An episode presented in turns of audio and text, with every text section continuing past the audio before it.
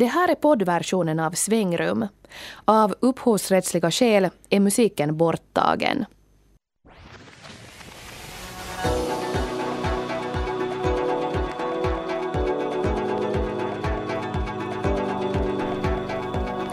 Brinnande ideal eller torra ställningstaganden. Idag handlar svängrum om vilka värden som stiger till ytan i riksdagsvalet.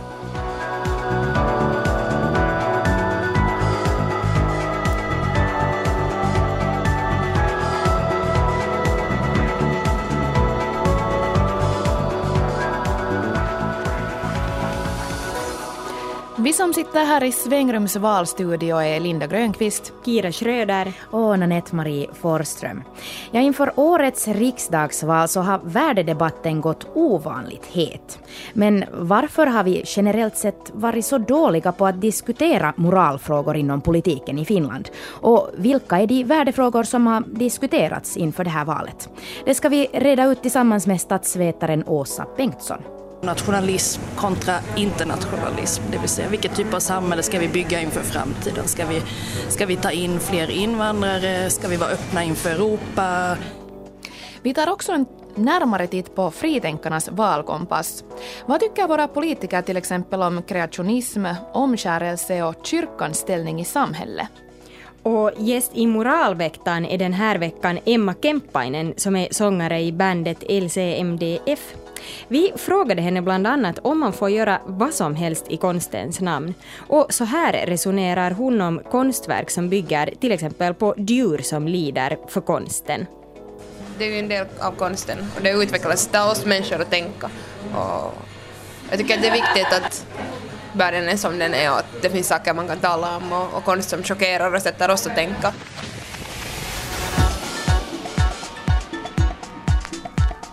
I den här sändningen ska vi alltså diskutera värdefrågorna i valdebatten. Vilka frågor är det som diskuteras och vem är det som debatterar? Vi ska börja med att ta en titt på ett av de otaliga kandidattest eh, som finns och just det här testet tar upp sådana frågor som vi på Svängrum är intresserade av, nämligen fritänkarnas. Inför riksdags och andra politiska val så svämmar framförallt nätet över av olika kandidattest och valkompasser. De flesta fokuserar på kandidaternas åsikter i olika aktuella politiska frågor. Men allt fler föreningar och organisationer passar också på att pejla kandidaternas åsikter i för just dem viktiga frågor. Ett intressant nytt tillskott i valkompassdjungeln är fritänkarnas kandidattest, som framförallt handlar om vilken roll kyrkan och religion ska ha i samhället. Enligt Jori Mäntysalo som har sammansatt fritänkarnas kandidattest så behövs det eftersom de större kandidattesten inte tar upp just de här frågorna. No, vapaa-ajattelijathan on liike, joka pyrkii muuttamaan nykyisiä voimassa olevia lakeja ja toisaalta taustalla on myös se, että tämän tyyppisiä kysymyksiä ei nämä isot vaalipaneet juurikaan ole kysynyt. Fritänkarnas kandidattest består av tio stycken frågor och de handlar bland annat om religion i skolan, inställningen till omskärelse av pojkar och om den evangeliskt-lutherska och ortodoxa kyrkan ska ha rätt att uppbära skatt. Något som det inte ser ut att bli en ändring på under nästa valperiod.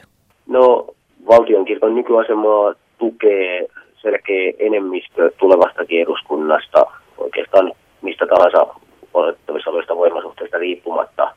Toisaalta samaan aikaan näkyy se, että selkeitä muutoshalua on, vaikka se onkin vielä vähemmistössä. En klar majoritet stöder statskyrkan oberoende av hurdan sammansättningen i riksdagen och regeringen blir, säger Mäntysalo. Samtidigt visar kandidattestet att det finns en vilja till förändring, också om den finns bland de mindre partierna. Och på tal om de mindre partierna så är det framförallt de gröna och Vänsterförbundet som har aktiverat sig i fritänkarnas valutfrågning.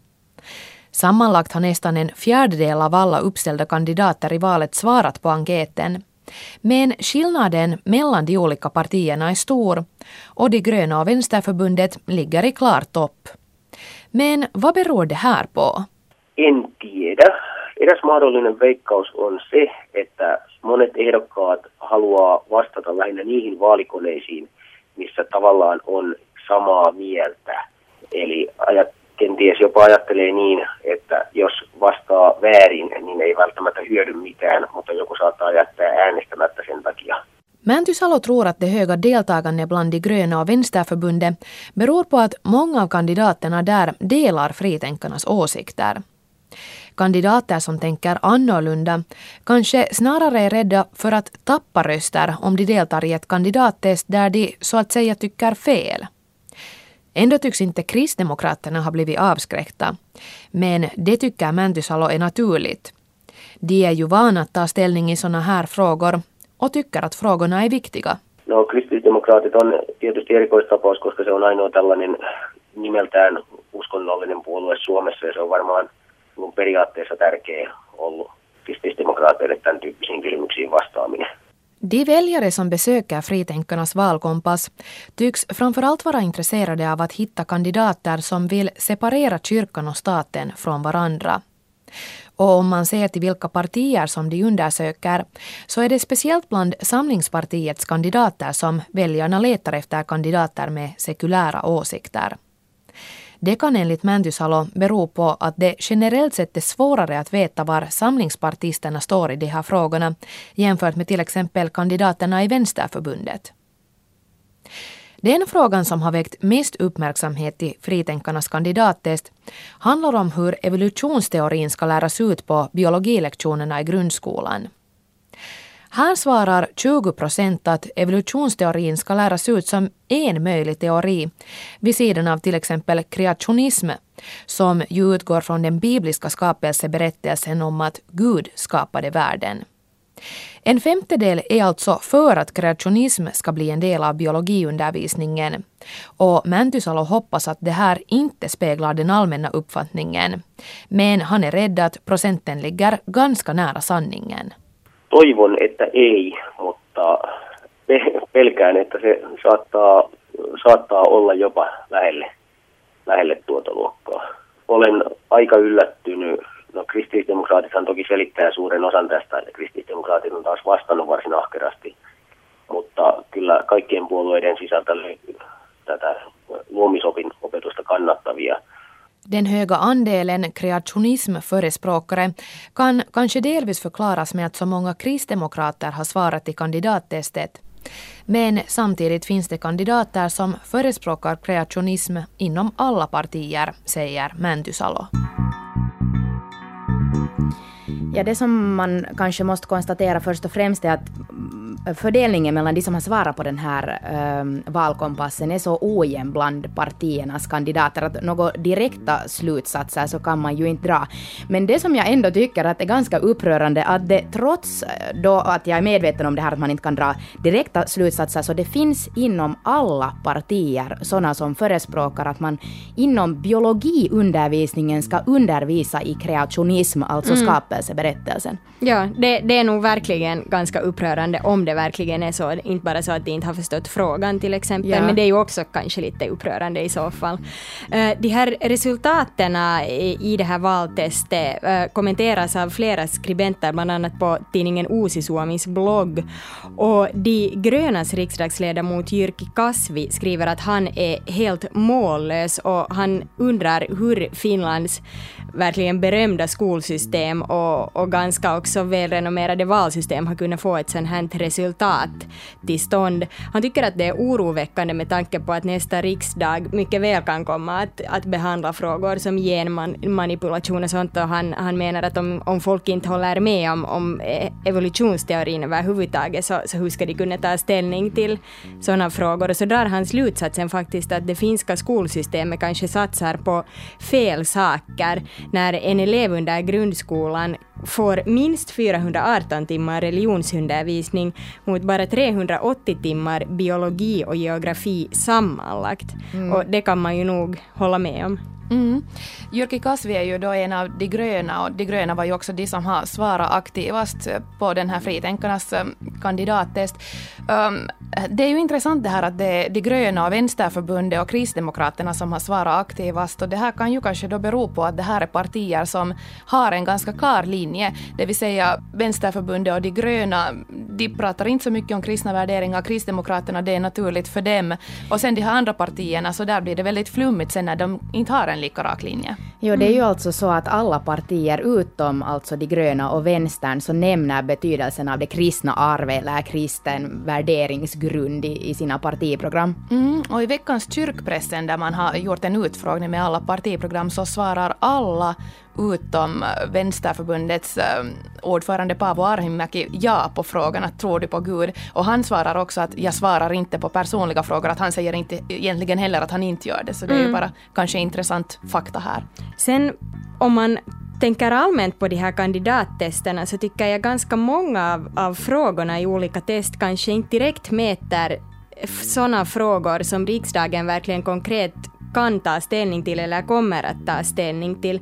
Att de försöker kanske snarare få fram en viss människotyp eller grundvärderingar och det är ju i och för sig bra och det kan ju också hjälpa en att välja kandidat men det är kanske inte helt ändamålsenligt och sådär jätteärligt egentligen. Jo, jag kommer att tänka på här, det var i någon val, valkompass som man ställde frågan att, att är du för eller emot att, att man luggar sina barn och det är ju definitivt ingenting som har betydelse i politiken men där försöker man kanske just beskriva en viss, viss sorts människa, hurdan den där politikern är för, för väljaren och man kan ju fråga sig om det egentligen är relevant i det här sammanhanget. Mm. Uh, men vi ska nu fortsätta tala tala om värdefrågorna i politiken med en statsvetare som vi ofta hör här på finlandssvenskt håll. Hon har sagt att politikerna i, i Finland är alldeles för dåliga på att tala om visioner och värderingar. Det är Åsa Bengtsson. Och jag träffade henne på ett populärt café i Ekenäs. Ja, Åsa Bengtsson, man efterlyser ofta en, en livligare värdedebatt i politiken. Vad är det man då egentligen menar? Ja, det man kan mena väldigt olika saker men, men jag tror framförallt att man efterlyser frågor som människor känner någonting för och bryr sig om. Att röra sig ifrån eh, pengar och skattepolitik till att prata mer om, om någonting som, som människor faktiskt känner har en betydelse för dem och, och som känner, ligger dem nära hjärtat och som är enkelt att ta till sig och ha en åsikt. Det är väldigt många människor som har en åsikt i frågor som gäller gäller eh, moral och andra typer av övertygelser. Mm. Du har ju själv rötter i Sverige. Om du jämför finska och svenska politiker, så um, hur bra är våra politiker här att diskutera sådana mer abstrakta frågor som just värderingar och framtidsvisioner?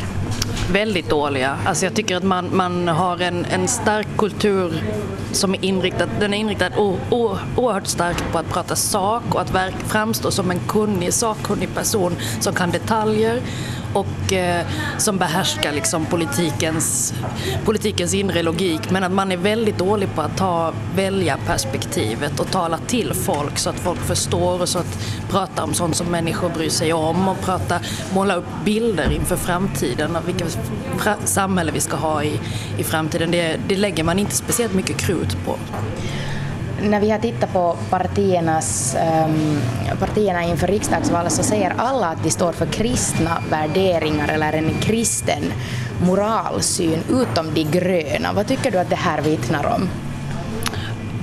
Det vittnar väl om att, att många, många partier, dels ska man ju komma ihåg att vår, våra samhällen vilar på en väldigt stark kristen, kristna värderingar. Det är ingenting som man kan komma ifrån. Det präglar, präglar väldigt många uppfattningar som finns i samhället. Men sen har det säkert också att göra med att, att många, många partier vet att de har kristna kristna anhängare och att det är viktigt att inte stöta sig med dem och att, att hålla kvar. Att det är väldigt många människor också som har en ganska traditionell uppfattning om, om, dem, om moralfrågor och att, att man därför inte vill, eh, vill sticka ut för mycket för att skrämma bort vissa väljargrupper. Och inför det här riksdagsvalet, då, hur livlig skulle du säga att värdedebatten har varit? Den har varit mycket livligare än vad den har varit i tidigare val. Alltså nu har vi inför det här valet en helt annan uppsättning av, av partier. Det vill säga att Sannfinländarna har, har slagit igenom och har ett väldigt starkt stöd vilket påverkar debatten. De representerar någonting som som är annorlunda. Som, som, det finns framförallt väldigt traditionella värderingar. Man har en ganska nationalistisk inriktning. Man är inte kanske så mycket intresserad av att ta in invandrare och ha ett öppet samhälle. Man är också skeptisk mot EU. Sådana åsikter som egentligen inte har förekommit i den finländska politiska bland den finländska politiska eliten i speciellt stor utsträckning och åtminstone inte fått stor uppmärksamhet tidigare. Och det här påverkar hela debatten, det påverkar, tvingar de traditionella stora partierna men också de, våra traditionella partier som har funnits länge att ta ställning till de här frågorna, att, att prata om dem i, i debatten. Och det, jag tror att det är ganska nyttigt för alla parter. Men är det det som krävs här i Finland, att det kommer en sån här på något vis ett extremt parti på det sättet och liksom uppvilar de andra till att tala om värderingar. Nu ska man ju komma ihåg att, att anledningen till att Samfinländarna får ett så starkt understöd det är ju för att det finns människor i väljarkåren, uppenbarligen väldigt många, som inte är riktigt nöjda med hur politiken fungerar idag. Mm. Anledningen till att man säger i opinionsmätningar att man kan stödja Samfinländarna beror, det är ett tecken på någonting. Det här är åsikter som finns bland väljarna, i något, eller åtminstone är det uttryck för att, att man är missnöjd med, med på det sättet som det har fungerat hittills. Man, man, ger inte, man tycker inte att våra traditionella partier har uppfyllt de förväntningar som, som, som medborgarna har på politiken. Så att, eh, jag vet inte om vi ska prata om extrema åsikter och extremparti. Det här är åsikter som finns bland väljarna. Och det är bra ur demokratisk synvinkel att, att det här är frågor som diskuteras och att, att det, det finns alternativ för de som har den här typen av åsikter. Det är ju det demokratin bygger på, att, att vi medborgare ska kunna, våra åsikter ska kunna företrädas på den politiska arenan. Vilka värdefrågor har då dominerat valdebatten hittills?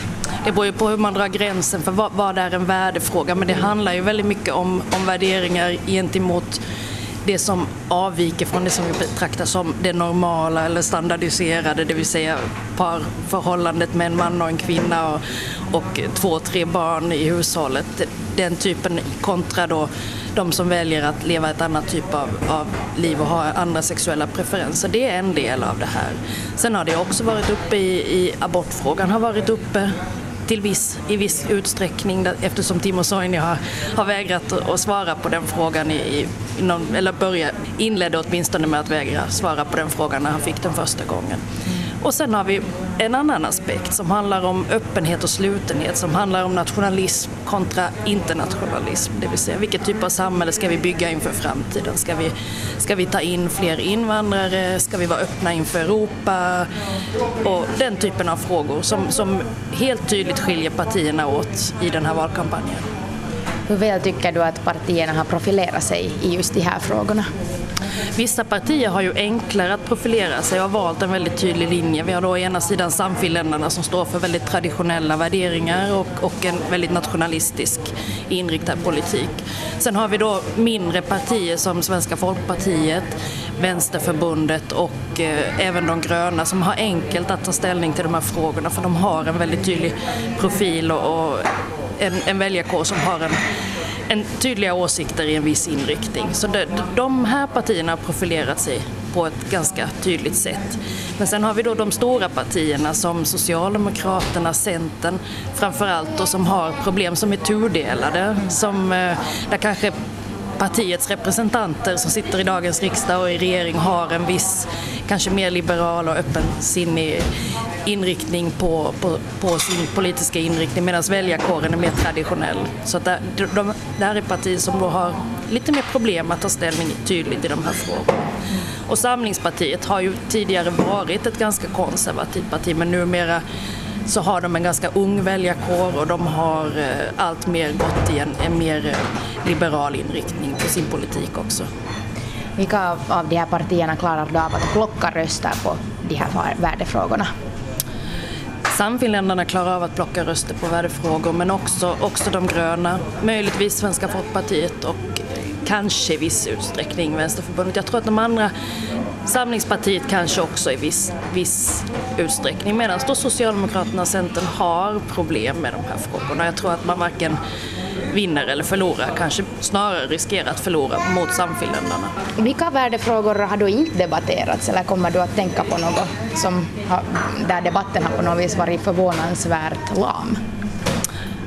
Nej, inte riktigt eftersom det här nu eh, i förhållande till tidigare val är så extremt eh, värderingsladdat. Så att, inte riktigt. Alltså, jag tycker nog att kampanjen gärna skulle få ha en mer människonära, konkret eh, inriktning även i andra frågor än värderingsfrågor. Det vill säga att jag tycker att politikerna kunde ta och ett annat perspektiv när de debatterar politik. Jag tycker vi ser väldigt mycket miljoner och miljarder som flyttas hit och dit från det ena budgetmomentet till det andra medan man ganska sällan förklarar vad det skulle innebära för vanliga människor i, rent konkret mm. i plånboken eller i andra typer av konkreta åtgärder.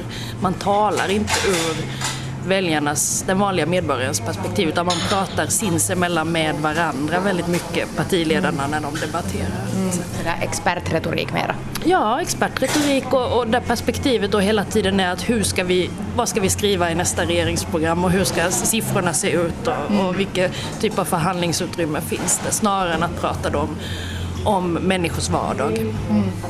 Det som jag tänkte på att till exempel i Tyskland så har ju den här kärnkraftsfrågan varit väldigt mycket framme och, och Thomas Wallgren sa nyligen att, där, att han tror att det beror på att man har liksom en starkare på något vis känsla av att man måste handla moraliskt eller inom politiken i Tyskland. Men kärnkraftsfrågan så verkar ju inte på det viset ändå ha seglat upp så väldigt starkt här efter, efter jordskalvet i Japan. Eller håller du med?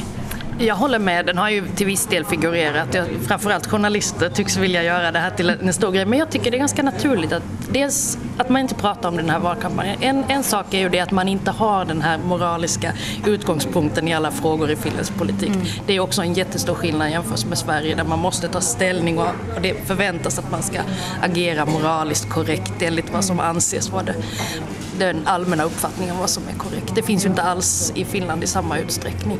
Men sen är det också så att under förra mandatperioden så fattades det beslut om att bygga två kärnkraftsverk till i det här landet och det är en fråga som redan har genomgått en grundlig debatt och man har fattat ett beslut. Så att på något sätt så känns det som att den är genom genomdebatterad och, och, och, att det inte är riktigt så aktuellt nu. Så det är lite sådär, kommer lite för sent för den finländska politiska debatten. Jag tänkte ännu på det här du sa med att man i Sverige på något vis har en större känsla av att man måste handla moraliskt i, i politiken och så här. Vad, vad tror du det beror på? Det har att göra med en allmän kultur om att, om att man förväntas folk förväntas tycka lika och det finns liksom en väldigt stark eh, press på att man ska ha en viss inriktning på sina åsikter. Alltså en, den finländska kulturen i allmänhet är ju väldigt mycket mer individualistisk, att det tillåts att man ser annorlunda ut, att man har olika kläder, att man har olika åsikter istället för att man, man på något sätt förväntas agera lik, på samma sätt som andra. Att det, det, det finns betydligt större tolerans för avvikande fenomen när det gäller den individuella, på, på visst sätt då, mm. i, i finländsk kultur. Kanske inte gäller alla gånger eftersom vi, vi ser att till exempel inställningen gentemot invandrare och, och gentemot eh, homosexualitet tycks vara mer, mer, liksom, eh, mer hårdare i, i Finland än, än i än i Sverige. Men å andra sidan kan det också ses som ett uttryck på det att, att folk som folk uttrycker sina åsikter mer tydligt, det vill säga de som mm har svårt att acceptera homosexualitet, de som tycker att det är jobbigt med invandrare i samhällsbilden, så de vågar säga det, de vågar stå för det. Mm. I Sverige så, så är man mer försiktig med den typen av uttalanden.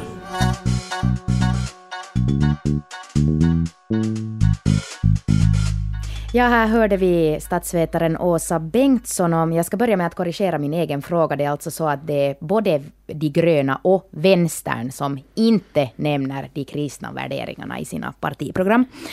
Men jag tänkte spinna vidare på det här som Åsa Bengtsson talade om gällande våra politikers eh, tendens att, att fokusera på sakfrågor och fakta.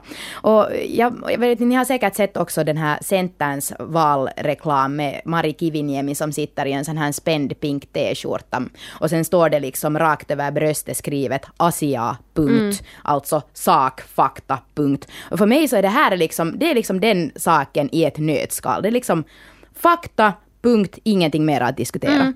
Kanske det är helt enkelt så att finländarna är annars också ganska sakorienterade också utanför politiken och därför tror politikerna att det är det sättet som man ska tala till den ja, finska och sen kanske man också på sätt och vis döljer sig bakom fakta eller sin osäkerhet eller så här. Då är det lätt mm. att liksom rabbla upp eh, kalla fakta och siffror. Och då behöver man kanske inte heller göra på samma sätt värdeval. Mm. Att om man bara säger att det är så här, det finns ingen diskussion, så behöver man, för ibland ibland så finns det ju fakta som talar för två sidor men, men du måste ändå göra ett värdeval. Ja, andra sidan associerar det här Asia till, helt enkelt till högstadiet. Då tyckte jag det var sådär någonting som man sa Asia. Det var liksom lite coolt också. Jag kan tänka mig att det faktiskt ligger någonting i att de också mm. försöker fräscha upp lite sin kampanj. Ja.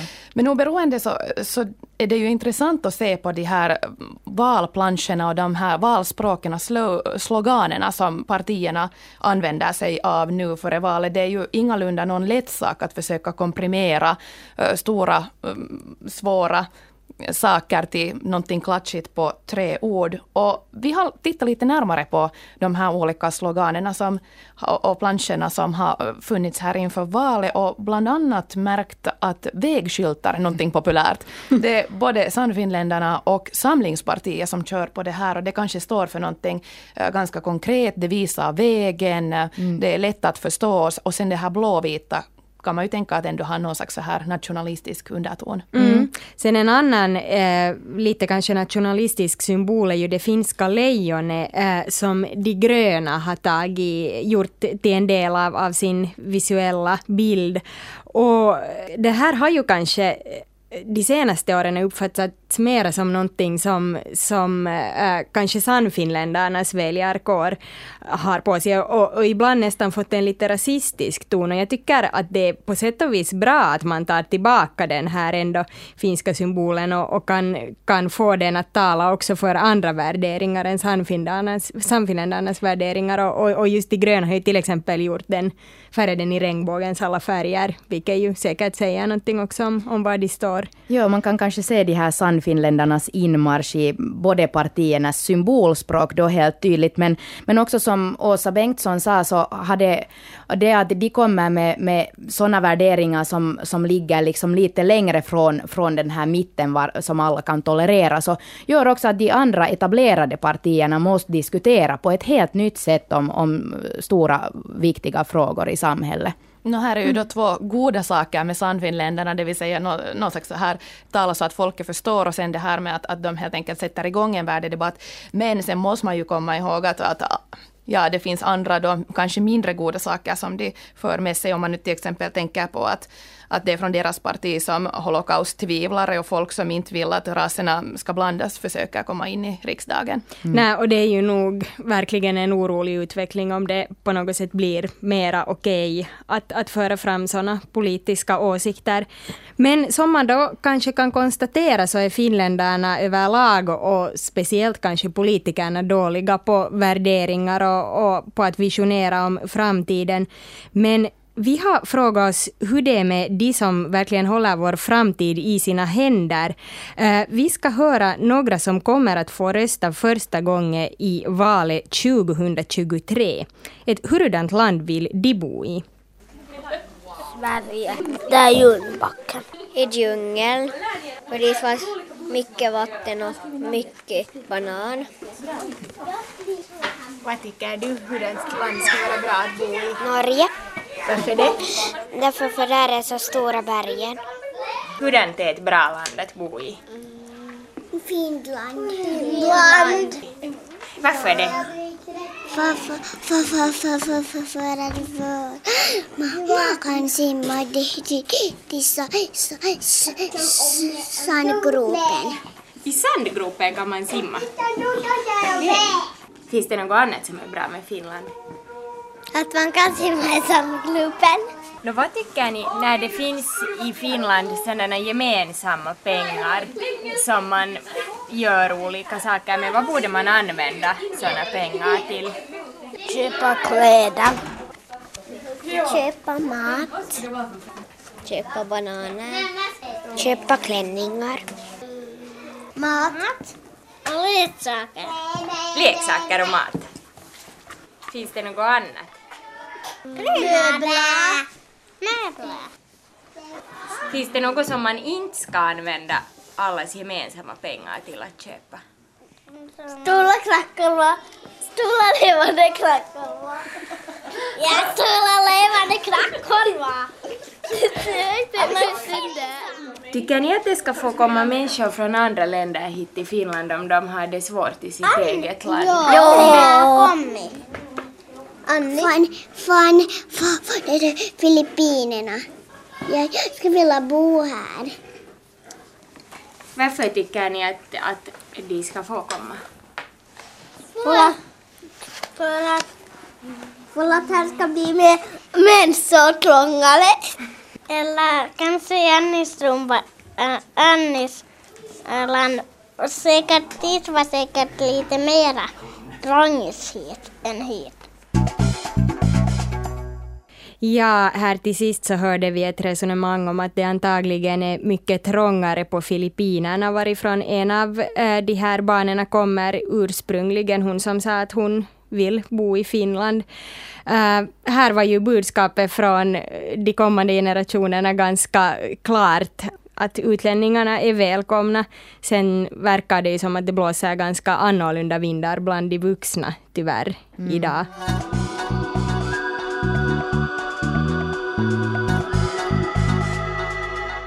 Programmet du lyssnar på är alltså livsåskådningsmagasinet Svängrum. Förra veckan presenterade vi ett moraliskt dilemma som ni lyssnare har fått kommentera på vår blogg. Och det handlar då om ett par som har gjort slut och om expojkvännen då har rätt att dels få veta om, dels påverka om kvinnan märker att hon blir gravid och har bestämt sig för att göra en abort. Mm, och vi har fått in många svar på det här. Maria skriver till exempel, jag tycker att han har rätt att veta. Han borde få veta att han är fertil och att han kanske borde kolla bäst före datumet på sina kondomer. Men Maria tycker inte att han kan påverka kvinnans beslut att göra abort. Janne å sin sida skriver så här. Jag tycker att kvinnan ska berätta det om hon har lust. Har paret en gång gjort slut så anser jag att mannen i fråga inte har något att göra med saken om kvinnan inte vill hålla barnet. På vilket sätt han skulle må bättre av att veta om att kvinnan varit eller är gravid och inte har hållit eller hållit barnet förstår jag inte. Något moraliskt dilemma ser jag som ganska pragmatiskt lagd man inte att här skulle finnas. Och vår bloggare Daniel han har också gett sig in i diskussionen och skriver så här. Men jag skulle ännu vilja problematisera. Vad om pappan till exempel skulle vara beredd att ta fullt ansvar för barnet? Att säga till kvinnan, jag vill att du föder barnet men sen så tar jag hand om det. Du behöver inte ta något ansvar sen och du får träffa barnet så mycket eller så lite du vill eller inget alls. Hur skulle ni ställa er till en sån situation? frågar alltså Daniel på vår blogg. Så vad tycker ni om det här? Gå in på svenska.yle.fi svangrum och svara på frågan.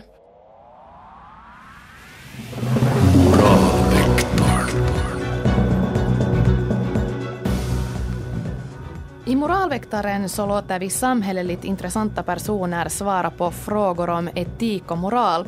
Men för att göra det lite svårare än så så ska de inte bara svara på de här frågorna utan sen analyseras deras svar av vår husfilosof Sebastian Bergholm. Och då handlar det inte om om de har resonerat rätt i termer av rätt eller fel utan hur bra man har varit på att argumentera och hur logiskt eh, en, ens svar är. Ja, sen får man då poäng på skalan från 1 till 5 av Sebastian Bergholm. Mm. Och den här veckan är vår gäst alltså sångaren i det här bandet som vi hörde nyss. Det hette tidigare Le Corps Mince de Françoise men nu har de förkortat namnet till LCMDF.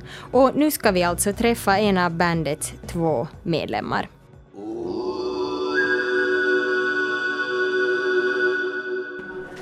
Emma Kemppainen, du är musiker och du ska vara med i Svängrums moralväktare där du får svara på moraliska och etiska frågor som sen bedöms av vår husfilosof. Hur känns det här? No, vi får se med frågorna. Det handlar ju helt om frågorna och hur jag lyckas svara. Då kör vi igång. Din väns pojkvän har varit otrogen men han ångrar sig väldigt mycket och han säger att det här kommer aldrig att ske igen. Skulle du berätta för din vän om otroheten? Då handlar det alltså att, att den här pojkvännen har varit otrogen och berättat det till mig. Och om Eller jag ska du har fått reda det på något reda på det. Ja. Ja, det beror jättemycket på situationen. Låter otroligt politiskt men det handlar ju exakt helt om situationen. Om det är en jättenära vän till mig och jag vet att det handlar om en riktig skitstövel så är det nog viktigt att, att min vän ska få veta. Men om det handlar om en kompis som kanske inte är så nära så vill jag bara inte blanda mig i det. Är det rätt att kopiera eller ladda ner musik utan att betala för den? Nå, sådär personligen som musiker så är det ju det att jag vill att min musik ska komma ut och den ska kunna lyssnas på. Jag vill att det ska vara människor som är på min konsert och människor som köper t-skjortor och människor som är mina fans. Och det är det viktigaste. Och sen hur de kommer åt musiken är ju en sån annan sak. Det är ju lite problematiskt eftersom hela situationen med skivbolag är så svår och att det är just nu en övergångsperiod och det att det kommer troligen att bli så att, att i framtiden så får musikern rakt, rakt alla pengar till, till de skivorna de säljer men just nu går det ju inte i skivbolagens fickor. Så det är lite sådär, man vet, jag har nog själv laddat olagligt musik och av det har jag, och sen har jag gått på kejkan och sen har jag köpt t-skjortan och de pengarna går rakt in till musikerns fickor. Men det att där finns en sån där välikäti, käsi som är sådär vet du, ett skivbolag så det är lite, det är lite mysko och det är lite old school och jag är inte helt säker på om det är alltid det bästa. Så tolkar jag dig rätt att det är rätt att ladda ner eh, så länge pengarna går annars till skivbolaget? Ja. Om du köper den där skivan rakt från musikerns hand eller om du köper en, en biljett till en livespelning så då eh, är man säker på vart pengarna går. Men annars går det säkert till helt fel fickor. Anta att en nära släkting eller en vän har begått ett brott. Skulle du anmäla honom eller henne? Aldrig i livet. Jag tycker inte, alltså, nej, det är inte min sak. Och jag tycker att då handlar det att det, jag är ändå ett team med min, mina kompisar och med min familj och jag är inte på samma sätt ett lika starkt team med polisen eller lagen. Det, det, jag tycker att det är viktigare att desto närmare människor kommer dig själv, att du är på deras sida. Förstås om det här sen handlar om det, det, förstås, sen kommer det ju alltid den aspekten att om det handlar om någonting som helt enkelt inte är okej. Så att vet du, att man rånar en åldring och vet, någon sån här liksom, vet du, det handlar ju absolut om brotten, men om det handlar om vet du, att någon har stulit någonting litet från en butik eller om det handlar om att, saker som, som kanske inte spelar en så jättestor roll så man måste nog sådär, man är nog på sin kompis sida. Det här är ju hemskt att spekulera om, men om det skulle gälla till exempel ett mord, skulle du tänka annorlunda då? Jag vet inte. Det beror helt på människan och min relation till den. Men jag tror att om det är en riktigt nära människa till mig så ska jag inte anmäla det. Du skulle inte heller tänka på offret för det här brottet? Det beror på vem offret är. Det, allting är i relation till det att, att hur nära en människa är till en och, och vad som är rätt och vad som är fel. Att vad den här människan på riktigt har gjort. Finns det saker, eh, tycker du, som man inte får göra i konstens namn? Nej, det tycker jag inte. Det finns ju många som har haft problem med, med till exempel den här då konstverket var det en fisk inne i en, i en mixer. Och sen får, så där, är det är fritt fram för en människa att gå och trycka på och mixa om döda fisken och sådana saker. Men att jag tycker nog att eller, eller då hela den här kattincidenten. Men de, är ju alla, de lever ju alla på den här chockgrejen. Och jag tycker att det är helt okej. Det är kanske, det är inte jätte, det är ganska kallt egentligen. Men jag tycker nog att det är helt okej. Varför det? Det är ju en del av konsten och det utvecklas, det oss människor att tänka. Och jag tycker att det är viktigt att världen är som den är och att det finns saker man kan tala om och, och konst som chockerar och sätter oss att tänka. Och att, att hela det att de här konstnärerna finns är ju också att hela det här moraliska problemet kommer hit och det är det som gör det konst. Det är inte det att det konkret liksom ser snyggt ut eller något sånt utan det är nimenomaan det att, att jag nu kan sitta och fundera på den här saken och jag tycker att det väcker känslor och det är därför konst finns till, för att det ska väcka känslor. Är det moraliskt försvarbart att förbjuda tiggeri? No, tiggande har ju liksom alltid funnits. Jag tror att det är bara lite underhållande hur alla är så panikslagna över det i Finland. Det är ju det också att det är kallt och, och välfärdssamhälle i Finland och allt sånt här. Det som man har vuxit upp med, att det här är ju Finland, att här mår alla bra, alla har ett hem och sen finns det tiggare mitt i allt på gatan och det är en stor chock för jättemånga människor. Men man kan inte börja förbjuda det därför för att man själv har dåligt samvete. För det hjälper ingenstans, det är ju liksom bara det att man är, att jag tycker att det är bara den här ytliga bilden av det att, att det är ett välfärdssamhälle och det får inte finnas tiggeri. Um, och det är det som människor är rädda för, istället för att egentligen gå till botten av det här problemet och tänka på varför och hur ska vi kunna förebygga det här. Det att förbjuda någonting kommer inte att få slut på det. Okej, då är vi färdiga med våra frågor. Hur kändes det här? Ja, jag blev lite grillad. Det, det är svårt, liksom, speciellt den här skivbolagsgrejen är jättesvår. Och sen är jag faktiskt inte helt säker på alla mina svar. För de har också saker som inte, liksom, de är inte entydiga. Det finns inte ett svar till dem. Men jag har försökt svara så bra jag kunde. Dina svar kommer nu att bedömas av vår husfilosof i hur logiskt du argumenterar på en skala från 1 till 5. Uh, eh, vad skulle du själv gissa att du får? No, eftersom jag har babblat bort säkert en stor del av alla mina svar så kommer jag säkert inte få, ja alltså nummer 2.5 så är jag glad och över det så är jag jätteglad. Okej, tack så hemskt mycket Emma Kemppainen. Tack.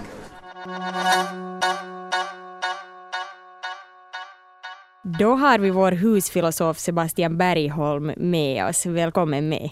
Tack. Eh, du har nu lyssnat på intervjun med Emma Kemppainen. Vad tyckte du? Eh, det var en väldigt intressant intervju med många spännande resonemang och jag skulle vilja börja vid det här exemplet med den här nära släktingen som hade begått ett brott eftersom den är ganska, svaret är ganska beskrivande för hur hon tänker. Mm. Emma Kemppainen säger att hon aldrig skulle anmäla ett sånt här brott helt spontant och rättar sen lite till sig då du Kira ger något exempel på mord och, och, så här.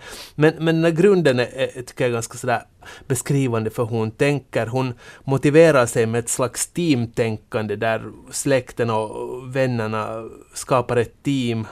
Man är team med dem men man är inte team med polisen och typ staten och så vidare i, i förlängningen. Och jag tror att det här i och för sig är beskrivande också för hur många människor rotar sig idag. Stat eller nation är kanske inte då en team, en sådär sammanhang som ger mm. mening och trygghet utan istället vänner och släkt det är fråga om kanske att ha någonting beständigt i livet och, och, och då gäller också interna regler och lojalitet och sådana saker.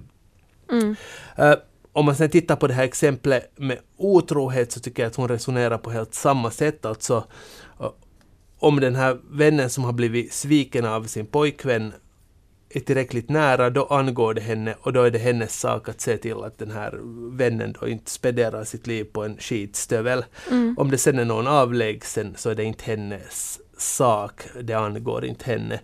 Jens styr den inre kretsen och det är inte några sådana allmänna idéer om att sanningen måste fram eller att man inte får ljuga eller något sånt här som dominerar hennes tänkande. Mm. Och den här tanken om inre krets, ja, och den är väl både sympatisk och problematisk. Det, det är väl fråga om någon slags omformat stamtänkande, skulle jag kanske säga. Det mm kan det innebära lojalitet och trohet och gränslös tillit, att man faktiskt kan lita på varandra och ställer upp för varandra men så kan det ju också innebära vissa korrupta krav på vänskap, alltså att man tycker att om du är min vän så säger du inte att jag har begått ett brott eller att jag har gjort ditt eller datt eller varit otrogen. Och, och, och det kan ju ge upphov till ganska konstiga eller svåra situationer Men sen tycker jag också att jag känner igen en, slags äh, förlängning kanske, eller ett släk, besläktat stamtänkande, alltså när folk identifierar sig med andra på nationsnivå eller på etnisk nivå och så här. Mm. Alltså att för det här folket, den här människogruppen gäller de här reglerna men om det kommer någon invandrare eller vad det nu kan vara frågan om, någon sexuell minoritet eller så här, så då får man inte vara med och leka. Då gäller inte samma, samma regler. Alltså jag, jag ser en slags modell eller ett slags släktskap, men jag vill inte göra någon poäng om att liksom den här Emma Kemppainens position skulle leda till en sån här totalitarism eller, mm. eller hur man nu ska beskriva det. Jag tycker bara att det finns intressanta likhet här, likheter i, i en sån här ganska sympatisk liksom, vänskapsbeskrivning också resonemang som man hör om på, på politisk och, det här samhällelig nivå just nu. Mm. Sen en fråga där det ju inte handlar så mycket om förhållandet till andra var den här frågan om ifall man får göra vad som helst i konstens namn. Vad tyckte du om hennes resonemang där? Uh, no, det resonemanget var kanske det var lite svårare att bena ut men jag tycker nog att hon där också för, för ett intressant resonemang. Alltså, eh, det är ju aldrig konsten som gör någonting utan det är människor som ju gör olika saker. Hon har det här exemplet med en fisk i en mixer och då möjligheten för publiken att mixa sönder den här fisken. Det är ju inte konsten som mixar utan det är människor som mm. väljer att göra det. Och, och, och, och ja, jag tycker nog att det sättet som hon beskriver konst, alltså att det handlar om att väcka känslor, få oss att tänka på olika saker och se olika saker, eh, håller. Eh, för, man kan ju inte på förhand sätta upp regler för vad konsten skulle få göra, alltså som på något vis skulle vara regler som är olika än, än vad man tänker sig att människor får göra. Jag menar, sen, sen måste nu människor ansvara för vad de gör i konstens namn, som konstnärer eller som publik. Så att jag tycker att, att det är helt okej, okay, hon trasslar inte in sig. Men, men den här frågan är ju väldigt bred och stor och det kom, finns ju alla världens invändningar som man, mm. man skulle kunna ge och så här som man kanske inte kan gå in på här och nu. Mm. Däremot är hon ju sen konstnär själv och där tycker jag också faktiskt att, att det här liksom sammanhangstänkande, det här, den här, det här grupptänkande kanske kommer in på något sätt. Alltså. Eh, du frågar ju hur var det om man får ladda ner musik utan mm. att betala för det. Ja, ja. Uh, här tycker jag att Emma Kemppainen som musiker väl känner till musikens nya strukturer. Skivbolagen har ju velat göra den här illegala nedladdningen till en fråga om stöld, alltså till en moralfråga eftersom man har det i ryggraden. Att stjäla får man inte. Men hon konstaterar att det kanske nu inte är så att bolag och artister alltid befinner sig i samma team. Alltså att bolagen i själva verket ofta försöker sko sig på artisterna som inte får så mycket pengar. Och då är det kanske bättre för artisten om, om musikern får pengar då folk går på konserter eller köper t-skjortor. Alltså att publiken och badnerna skapar ett slags sån här sammanhang. Också kanske en sån här lojalitet. Och det har inte så mycket att göra med skivbolagen och deras strukturer och, och, och det där eh, vinststrategier och, och det här tycker jag är intressant att dels tror jag att hon vet vad hon talar om eftersom det är mycket som förändras i den här branschen. Eh, och på samma gång lyckas hon dissekera liksom ett sånt här absolut eh, begrepp om, om stöld eh, och så här som, i, som mer eller mindre handlar om att försvara ett system som kanske inte alltid är artistens bästa. Så också här tycker jag att hon, hon tänker ganska sådär på samma sätt som i, de andra frågorna. Eh, om vi då ser på Emma Kemppainens svar som helhet, eh, hur logiskt tycker du hennes resonemang hänger ihop? No, det, det, verkar ju vara väldigt logiskt på basis av hur jag har, har, har svarat hur jag i alla fall har, har, har velat analysera hennes, hennes sätt att, att resonera. Det, det är inte allt för mycket snårighet och, och hon har en grund som hon står på. hon ser på de här frågorna på ett ganska samma sätt, eh, med känsla för människor omkring henne. Och jag tycker, tycker egentligen att det är ett, ett väldigt bra svar eftersom min uppgift ju inte är att ta ställning till liksom om hon tycker rätt eller fel utan mm. hur hon bygger upp, upp sina svar. Precis, och vad betyder då det här i, i din bedömning på en skala från 1 till 5? Hur många poäng får Emma Kemppainen? Hon hoppades ju på mer än 2,5 och det måste hon ju få. Jag skulle nästan säga en svag fyra. Det, det, det, finns en röd tråd som går igenom allt så att inga problem här. Fint, det blir... blir hon väl då glad men det är ju inte förstås därför jag ger poängerna. Nej, fint, men tack så mycket för det här. Jag tror också att Emma Kemppainen är mycket glad över det här resultatet. Vi hör mer av dig igen nästa vecka. Japp, hej då. Hej.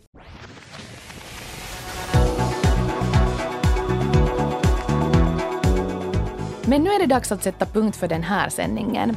I nästa vecka så fortsätter vi här i Svängrum på vår lyckoserie. Då ska vi fundera på lyckan som projekt och om man kan lära sig att bli lyckligare. Och Svängrum finns också på Facebook och Twitter, så gå med där i våra grupper eller följ oss på Twitter så får ni veta allt det senaste och en massa tips på olika artiklar. Och så får ni gärna skicka oss e-post på adressen svangrum.yle.fi eller sen traditionella brev på adressen svängrum, postbox 61 00024 rundradion. Det här var allt för idag. Vi hörs igen nästa vecka. Hej då!